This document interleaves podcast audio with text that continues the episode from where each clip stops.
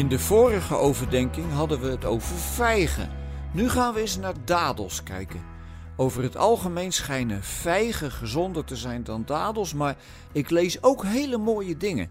Ik citeer: Dadels zijn niet alleen lekker, maar zitten ook vol stoffen die zorgen voor een gezond lichaam. Dadels zijn een rijke bron van mineralen, vezels en vitamine en helpen bij problemen als constipatie, diarree en andere darmklachten. Zo. Nu is het zo dat de dadelpalm sinds de ballingschap naar Babylonië in het land Israël was uitgestorven.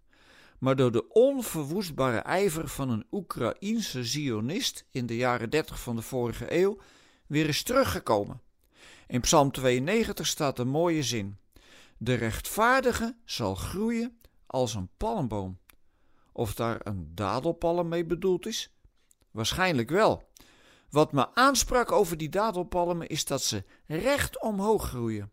Daarom wordt de rechtvaardige ermee vergeleken. En ik zie dan in gedachten iemand die rechtop blijft staan in alle stormen. Zo iemand die het niet neemt dat de wereld kapot gemaakt wordt door onrecht. Er is zoveel terug te voeren op onrecht. Ook de ongelijke verdeling van rijke en arme landen. Dat komt echt niet allemaal door bijvoorbeeld het klimaat hoor. We zijn er in Europa in de geschiedenis heel goed in geweest om landen te veroveren en uit te buiten en leeg te zuigen. De palmboom heeft een paar eigenschappen die ook voor rechtvaardigen heel nuttig zijn. Ze kunnen oud worden, ze blijven ook tegen de verdrukking in omhoog groeien, dus hebben een enorme kracht en ze zijn tot schaduw en nut van de mensen. Daar kun je wel iets mee als je als rechtvaardige wilt leven. Maar bij het woord rechtvaardig moeten we nog veel verder denken dan alleen maar aan iemand die niet tegen onrecht kan. In de Bijbel is de rechtvaardige degene die rechtvaart, die leeft volgens de geboden van God.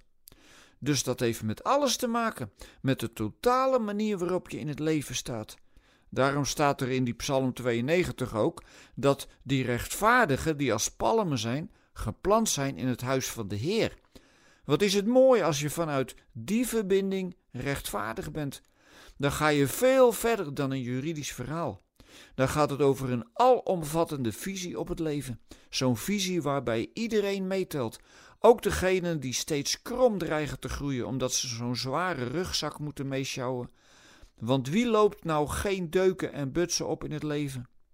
Christenen mogen in dat opzicht hele koppige mensen zijn blijvend geen genoegen nemen met hoe het gaat in de wereld. Ik vind het bijvoorbeeld zo mooi dat de kerken zich steeds met de asielcrisis bemoeien en met liefdevolle voorstellen komen die ook daadwerkelijk in de praktijk gebracht kunnen worden. Dan ben je tenminste een zoutend zout en een lichtend licht. En dan mag je volgens de psalm je leven lang vrucht dragen. En ook als je oud bent, krachtig en fris blijven.